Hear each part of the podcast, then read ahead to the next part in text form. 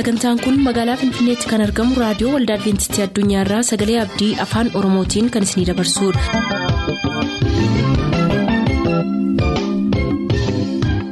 harka fuuni akkam jirtu kabajamtoota dhaggeeffattoota keenyaa nagaa fayyaanne waaqayyo bakka jirtan maratti isiniif haa baay'atu jechaa sagantaan nuti har'aaf qabannee isiniif dhiyaannu sagantaa maatiif sagalee waaqayyoo ta'a gara sagantaa maatiitti haa dabarru.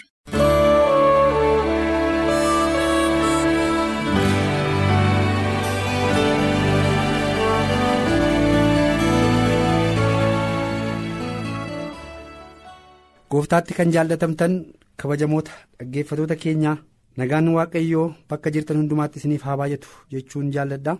Kun sagantaa maatii reediyoo adventistii addunyaa irraa isiniif darbaa jirudha yeroo darban jireenya mana keenyaaf maatii keenyaa bultoo keenyaa gadi buufnee isa bakkee caalchifnee waa isaa dubbachuun mana keenyaaf gaarii yookaan nagaan kennu kan jedhu walii wajjin ilaalaa turre. Har'allee wal dhostuun yookaan wal gooyoomsuun gaarii miti. Bultoo ijaarame gidduutti. Kunis maal jechuu akka ta'e. Barumsa barnu keessatti hiikaa maalii akka qabamu waliin ilaallaa kadhachuudhaan jalqabna.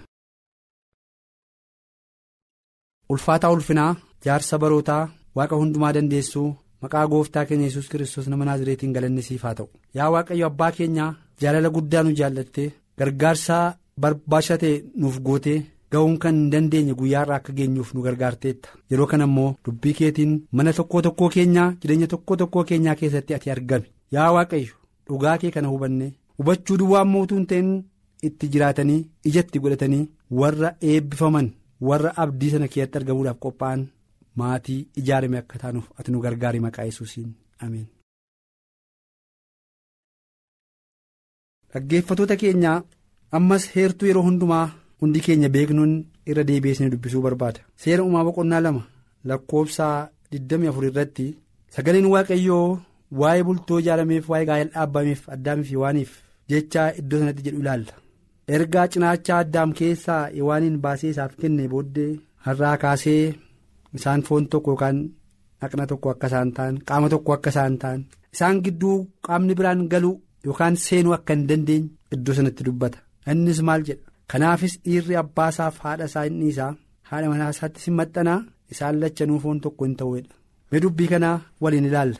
ergaa gaafa isheen kan keeti innis kan keeti jedhanii waliif kennamanii kaasanii abbaanis haatis isaan gidduu galanii bultoo ijaarame kana gaa'ela dhaabame kana diiguu hin danda'anii waa'ee kanaaf qoodan qabanii qaamni biraanis namni biraanis kana keessa seenee isaan diiguu hin danda'u isaan gaafa sanaa kaasanii tokko jedhe erga tokko ta'anii immoo waan wal dhossan hin qaban jechuudha. Mata duree koo jalqabaa keessatti akkuma isiniin jedhe abbaan manaaf haati manaa walitti dhufanii bultoo erga ijaarratanii booddee waan wal dhossan tokkollee hin qabaatan yookaan hin qaban. Qullaa isaanii waliin dhossan icciita isaanii waliin dhossan mana isaanii keessa kan jiru rakkina waliin dhossan walitti manii ifaaf bilisa ta'anii walii wajjin haasanii furmaata itti kennu irraan kan baate. Namni tokko isaan gidduu galee adda adda isaan baasuu gama isa tokkoo garee goree dadhabina isa tokkoo haasa'uu hin danda'u. Isaanis kanaaf iddoo qabu kennuu hin qaban kan jedhu barraadde kanatti har'a jiraaree rakkinni akkasiin jiru warra. Bultoo ijaaramee jiru. Mana warra amantii keessa mana kiristaanotaa keessa kan jiru. Rakkinni akkasiin jiru. Rakkinni akkasiin bultoon gaa'elli manni dhiigamaan jiru. Yoo jenne manna lakkaa'uu siniyyuu beeku obboleettonni tokko tokko abbaa manaa kun nama waan inni jedhu nama akkasiin kan jedhan jiru. Ee gaarii namatti tola. Abbaan manaa kan akkas jedhu jira. Tokko tokko immoo garuu. Waa'ee isaa nama biraadha dhaga'uudhaaf nama kan gaafatan baay'een jiru. Amantii waanta walirraa hin qabneef. Ifa bilisa ta'anii yaada isaanii waanta waliin hirreef namoonni rakkina akkasii qaban jiru. Bultoon erga ijaaramee booddee bultoon kun jireenya tokkummaa waan ta'eef jireenya tokkummaa isa ta'e kan ammoo waliin mari'atanii wal gorsanii walii wajjin jiraatanii jireenya gara fuulduraatti geggeessanidha malee. Jireenya namni tokko murtoo kenne inni tokko mataa ta'e inni tokko miila ta'e inni tokko harka ta'e qabee geggeessu tun ta'in. Waliin mari'atanii hir'ina jiru qaawwa jiru. Rakkina jiru hundumaa hiikuudhaan gara fuulduraatti walii wajjin jiraachuudhaaf daandii qajeelchatan gorsa waliif kennan wal dhaabanidha malee qabeenyaa qaban wal dhossuudhaan inni kun hankooti jechuudhaan abbaan manaa miindaa ji'aan argatu yoo ta'e haati manaas miindaa ji'aan argatu yoo ta'e yookaan qonnaarraa kan dhufu yoo ta'e karaa adda addaa dhossaadhaan dhimma itti ba'uudhaan gaafni waan dhossaadhaan dhimma itti ba'ame kun immoo bakkeetti gaafa uummata maa akka goote jechuudhaan manni isaanii gara jeeqamuutti akka hin dhoonneefi. Waan isaan qaban hundumtuu ifaaf bilisa ta'uu qaba haati manaa miindaa abbaa manaa isheetii ji'anii beekuu qabdi. Abbaan manaa miindaa manaa ji'anii beekuu qaba baasii ji'aaf ba'u wal bira ta'anii baasuu qabu. Irratti walii galuu qabu. Maaliif akka ba'ees beekuu qabu? Ijoollee saniif waan godhan hundumaa walii galanii gochuu qabu. Haati manaa qabeenyaa abbaa manaa lafa hin jirretti tun ergin fuutee baaftee ittiin dhimma biraa ba'uu hin qabdu. Abbaan manaas akkuma kana. Qabeenyaa mana isaatiif ijoollee isaatiif bultoo isaatiif gargaaru. Karaa addaa fuudheetu ishiin hin beekin fuudhee iddoo biraatti dhaqee yookaan ittiin dhuguu yookaan waan adda ittiin gochuudhaaf mana isaa rakkinarra buusuudhaaf kana hojjechuun irra hin jiru. Waanta godhan hundumaa ifaaf bilisa waliif ta'anii mareedhaan godhanii manni isaanii ijaaramee bultoon isaanii jabaatee kan jiraatuu fi wal dhoksuu qaban wal gowwoomsuu qaban kan jedhudha kan iddoo kanatti ilaallu. Keessuma wanti isin dhibu abbaan manaas lafa hojiitiif karaa hojii bakka hojii hiriyyaa qabaachuu danda'a. Haati manaas akkuma hiriyyaa kana qabaachuu dandeessi. Kanarratti illee maatiin wal dhabanii wal diigan baay'een jiraachuu danda'a. Hiriyyaa isaan qaban kun yookaan michuu isaan qaban kun waan biraaf utuu hin ta'in akkuma namummaatti hiriyyummaadhumaaf ta'e utuu jiru haati manaa waa'ee isaan beektu yoo ta'e abbaan manaas waa'ee kanaan beeku yoo ta'e gara waan biraatti hiikaniitu ittiin yemmuu isaan wal jeeqantu jira. Ittiin yemmuu isaan wal lolantu jira. Kanaaf hiriyyaa abbaan manaa qabu haati manaa beekuu qabdi. Hiriyyaanni wajjin oolu. Hiriyyaanni wajjin boqonnaadhaaf ba'u. Hiriyyaanni wajjin taa'ee yeroo dabarsu. Hiriyyaanni wajjin qoratu. Hiriyyaanni wajjin lafa hojiitii yeroo wajjin fudhatu. Akkuma kana. Hiriyyaa isheen wajjin lafa hojii isheetii wajjin ittiin dabarsitu. Hiriyyaa isheen yeroo boqonnaa isheetii wajjin dabarsitu. Akka namummaatti akka hiriyyummaatti akka kiristaanummaatti qabnu. Kan abbaa manaati manaa hiriyyaa beekuu qabdi. Abbaan manaas hiriyyaa manaati beekuu qaba. Waan biraatti akka hin deemneef gara waan biraatti akka hin hiikamneef jecha kanaaf wal dhoksuun irra hin jiru kan jenneef isa kanaaf. Yoo dhokatee taatee gara waan biraatti hiikamu kanaaf hiriyyaan isaan qaban isaan gidduutti kan jaallatame ta'uutu irra jiraata. isaan gidduutti kan keessummaa'u ta'uutu irra jiraata kan simatamu ta'uutu irra jiraata kan jenneef isa kana dhaggeeffattoota keenya. Akkuma kana eegaa sila sinii kaaseera waa'ee horii argannuu yookaan miindaa argannuu irratti waa'ee waan qonnaarraa maasiirraa dhufuu irratti illee qabeenyaan keenya abbaa manaaf haadha manaa gidduutti kan qabnu hundumtinuu ifaaf bilisa ta'ee tokko ta'utu irra jiraata. seenaa tokkotu jira. Seenaa kana isinis beektu ta'uu danda'a. Nama lamatu abbaa manaaf haadha manaatu wal fuudhaniitu erga wal fuudhanii walii wajjin jiraachuu jalqabanii booddee mee mi'a qabdu yookaan kan horii keetiin bittee binnee lakkaa'annee ankoof hankee adda adda baafanna jedhanii waliin malataniitu lakkaa'utti ka'anii kan jedhudha. Seenaan kun kana booddee yeroo lakkaa'uudhaaf kaan abbaan manaa dursa isheef kenneetu mi'atii hankee lakkaa'adhuu horii keetiin bitte yookaan isaa fiddee dhufte ati lakkaa'adhuuti hankee natti himan immoo booddeen lakkaa'adhaa kan jedhu isheedhaaf carraa duraa yommuu kennu isheen waan bitte waan horii isheetiin bitte utuu gara isaan dhufin jechuudha. Tokko lama sadii jettee lakkaa'uu jalqabdee erga fittee booddee ati immoo hankee lakkaa'adhu yommuu isheen ittiin jettu. Abbaan manaa immoo isheedhumarraa jalqabee qabeenyaan koonni jalqabaa sii kan jedhuti ishee irraa jalqabe kan jedhu seenaa akkasiitu jira. Kanaaf maal jechuu barbaadeeni nuyi jaalalli nuyi qabnu erga bultoo jaaranne aniif haati manaan koo tokko jenne. Nuyi qaama tokko foon tokko jennee waliigallee jennan wanti nuyi qabnu hundumtuu kallachuu keenya akka ta'e beekuun barbaachisaadha adda adda miti qabeenyaan keenya jechaadha kanaafiti kana wal dhoksinee kun kun jalaa dhokatee jira yoo ta'e mana keenya keessatti rakkina fida waan ta'eef kun furmaata yookaan fala argachuutu irra jiraata. Ammammaatti kana goree kan jirru yoo jiraate akka jeelchinu asirreessinu gara gaalaaf bultoo dhaabutti kan deemnu yoo jiraanne immoo dursee waa'ee kanaallee beekuun barbaachisaa akka ta'edha kanaaf waan hundumaa ifaaf bilisa taanee gochuudhaaf waliin jiraachuun gaariidha. Kanaan hundumaa ammoo akka goonuuf waaqayyo nu haa gargaaru dubbii dhageenya kanaan akka jiraannuuf waaqayyo nu haa eebbisu Jireenya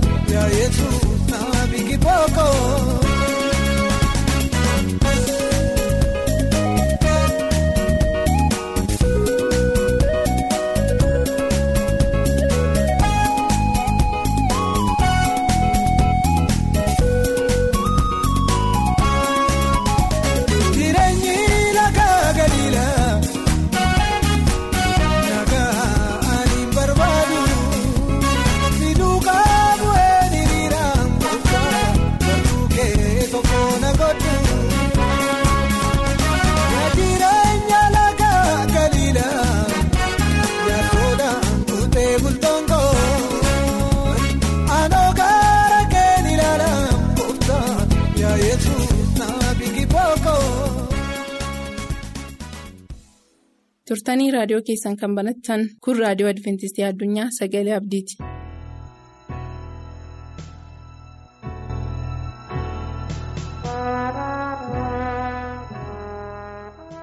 kabajamtoota dhaggeeffatoota keenyaa nagaan fayyisaa keenyaa kan gooftaa yesus iddoo hundumaatti isinii wajjin haa ta'u sagalee waaqayyoo yeroo kana immoo waliin ilaallu bartoota gooftaa mata duree jedhu jalatti kutaa sadaffaa waliin ilaalla kutaa sadaffaa kana jalatti immoo waa'ee bartoloomiyoos yookiin immoo waa'ee naatnaa'el waliin ilaalla gara sagalee waaqayyoo kanatti utuu hin darbin dura kadhannaa godhannu.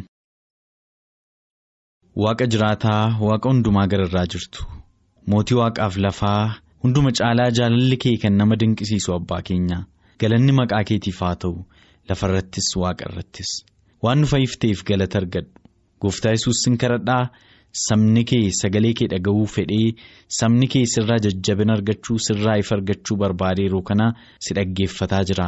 Karaa fuula kee qulqulluu atitti dubbadhu.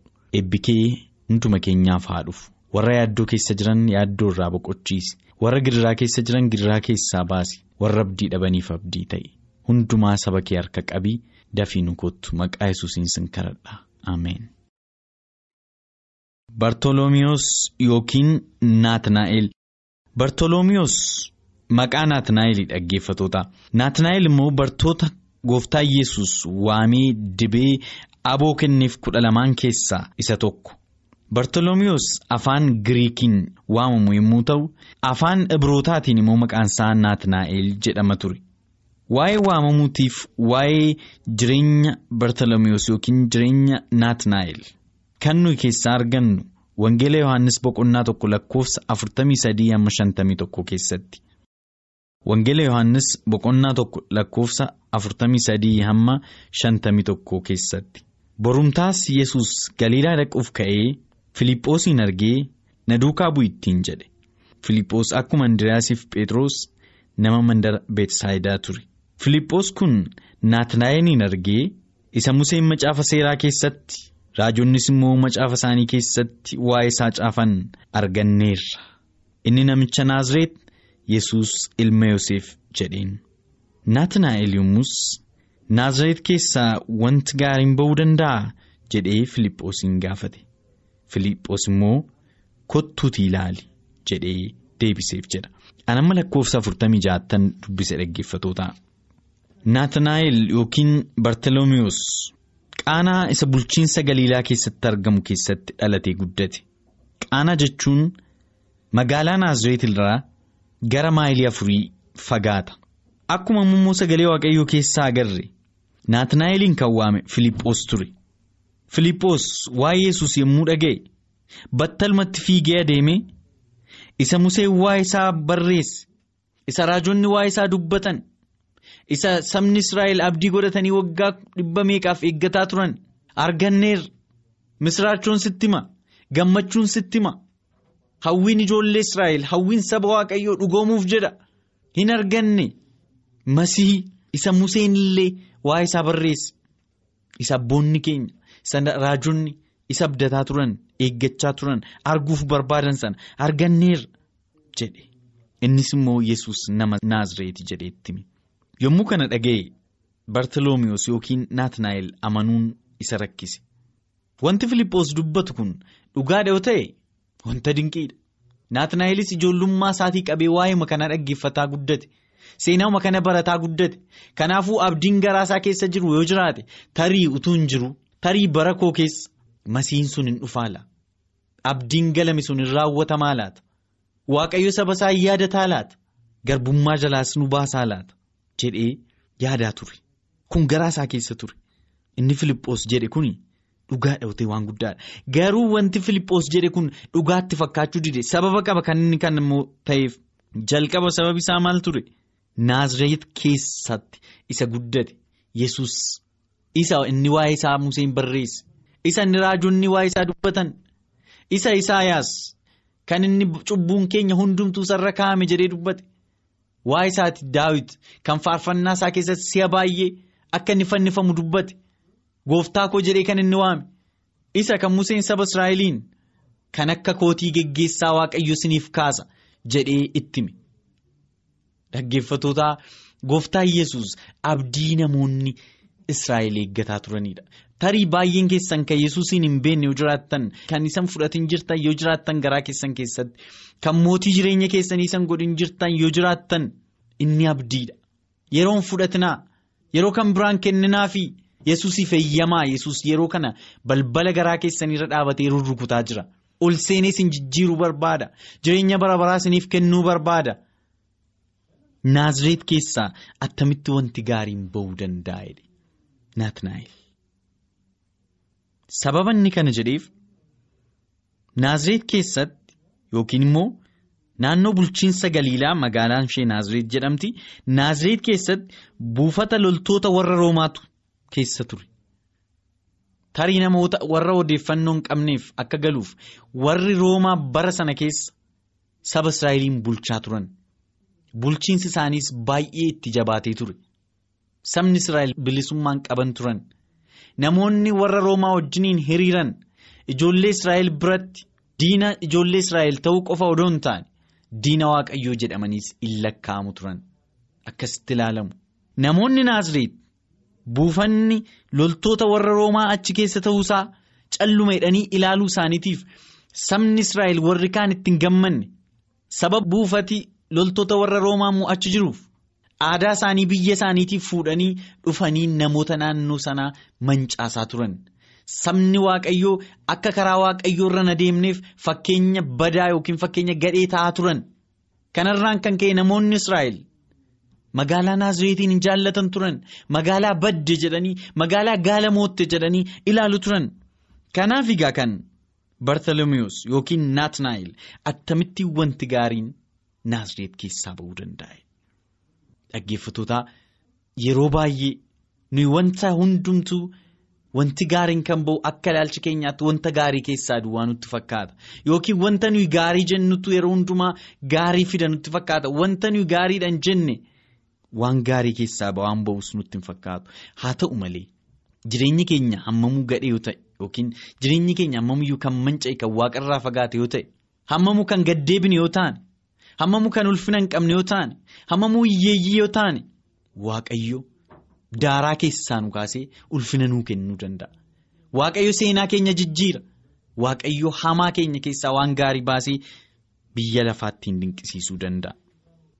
Sabni Naazreet gootummaa biyyaa jabina amantiis hin qaban jedhanii warra kaaniin tuffatamu turan. Kanaaf egaa kan Naatnaayil. Attamittiin Naazreet keessaa wanti gaariin ba'uu danda'a jedhe haa ta'u malee Filiiphoos deebii gaarii deebise kottuu laalee eeyyee wanti jettuun sirriidha eeyyee Naazreet magaalaa mancaateedha ee namoonni Naazreetitti guddatan tarii namoota gaarii ta'uu hin danda'an haa ta'u malee inni waa'een isaa barreeffame yesus nama Naazreet achuma keessaa ba'eera kan ammoo yoon ofumaa dhaabadhee sitti hin ga'u kottuutii ilaali mataa keetiin kottuutii ilaali. Naatnaayil dhaqee ilaale jireenyi isaan jijjiirame akka yesuusiin argeen. Yesuusiin yoo ilaaltan yookiin yoo argitan yoo dhandhamtanii ilaaltan malee oduu qofaatiin waa'ee isaa beekuu hin dandeessan. Oduun ga'aa miti waa'ee yesus isin amansiisuuf. Yommuu yesus jireenya keessan jijjiiru yommuu inni dhimma keessan keessa galee toora isinii qabsiisu yommuu inni nama abdii hin qabne abdii kennuuf. yommuu inni nama dur jireenyi isaa manca'e dhugaatiidhaan xuuxuudhaan namoota loluudhaan ejjaan manca'e jijjiiru yeroo sana kan isin dhuguma yesus dinqiidha jechuu dandeessan. yesus immoo yommuu naatnaayiliin erge yommuu naatnaayiliin arge wangeela yohaannis boqonnaa tokko lakkoofsa afurtamii torba irratti akkana jedhe yesus utuu naatnaayil gara isaa dhufu argee ilaa nama israa'el isa dhugaa isa soomni keessa hin jirre. jedhee waa isaa dubbate. Naatnaayil eessatti na beektaa? jedhee isa gaafate. Yesus immoo deebisee Filiiphoos utuu si waamin muka harbuu jalattan si arge jedheen. Kana irratti naatnaayil rabbii ati ilma waaqayyooti ati mootii israa'el jedheen. Yesus ammas deebisee muka harbuu jalattan si arge waan ansiin jedheef amantaa? Isaan kanarra kan caaluyyuu arguuf jirta jedheen itti dabalees dhuguma dhuguman sitti himaa. Waaqa banamaa ergamoota waaqayyoos ilma namaarra utuu ol ba'anii gabbu'aniis arguuf jirta jedheen. Yesus akkuma naatnaayiliin argeen kunoo nama Israa'el nama hamminni yookiin somni keessan jirre. Yesus kan inni akkana jedhee garaa namaa qoree waan ilaaluufi waan beekuufi naatnaa'el sodaa malee waa'ee naazireetiin dubbate attamittiinis masiin achi keessaa ba'a jedhee dubbate haa ta'u iyyuu malee attamitti waa'ee koo beekta jedhee gaafate. Kana baay'ee kan garaa koon cabsunaan attamitti eessatti na beekta waa'ee koo? Gooftaa yesus garuu utuuti muka arbuu jala teessu. Utuu Filiippoos si biran gahin an achitti si argeera. An isaan dura iyyuu si beeka. Dhaggeeffatootaa eessa yoo jiraattan? Mana guddaa keessa yoo jiraattan? Godoo xiqqoo keessa yoo jiraattan? Mana namaa kan jirtan yoo jiraattan mana mataa keessanii keessa kan jirtan yoo jiraattan hojiirra kan jirtan yoo jiraattan gooftaa yesus isin arga yeroo gooftaa yesus waan isin argeef sagalee kana isin erge yeroo kana garaa keessan kennaaf yesusiif hin gaabbitanii. Innis hin beeka seenaa keessan akka carraa yookiin akka tasaa miti sagaleen kun kan isinii dhufaa jiru. Muka harbuu jala lafumatti teessee jirtutti lafumatti waa'ee jireenya keetii yaaddetti achittan si arge. Yesus hunduma keenya arguunsaa attam nama gammachiisa. Kana duwwaa mineedha. Naatnaayil yommuu inni isa jaju ati dhuguma iyyuu ilma waaqayyooti yommuu inni jedhe kana caalaa arguuf jirta. Na duukaa buuteennaan dinqii kana caaluu sittan agarsiisa. Sicha argita. Namoonni utuu karaa koo fayyanii ana ilma waaqaatti amanuu isaaniitiin utuu isaan samiitti galanii arguuf jirta jedhe. Naatnaayil biyya Armeeniyaa keessatti booda wangeela lallabee achumatti gooftaatiif aarfamee du'e jedhama. Dhaggeeffatootaa seenaa Naatnaayil irraa barumsa tokko akka bartan nan amana. Waaqayyo bakka jirtan hundumaatti isin arga. Garaa keessan kennaa fi yesuusiin immoo dhaqaa ilaalaa. Isinuu nama kan biraa waamtu kottuu ilaalii jettanii akka Filiippoos.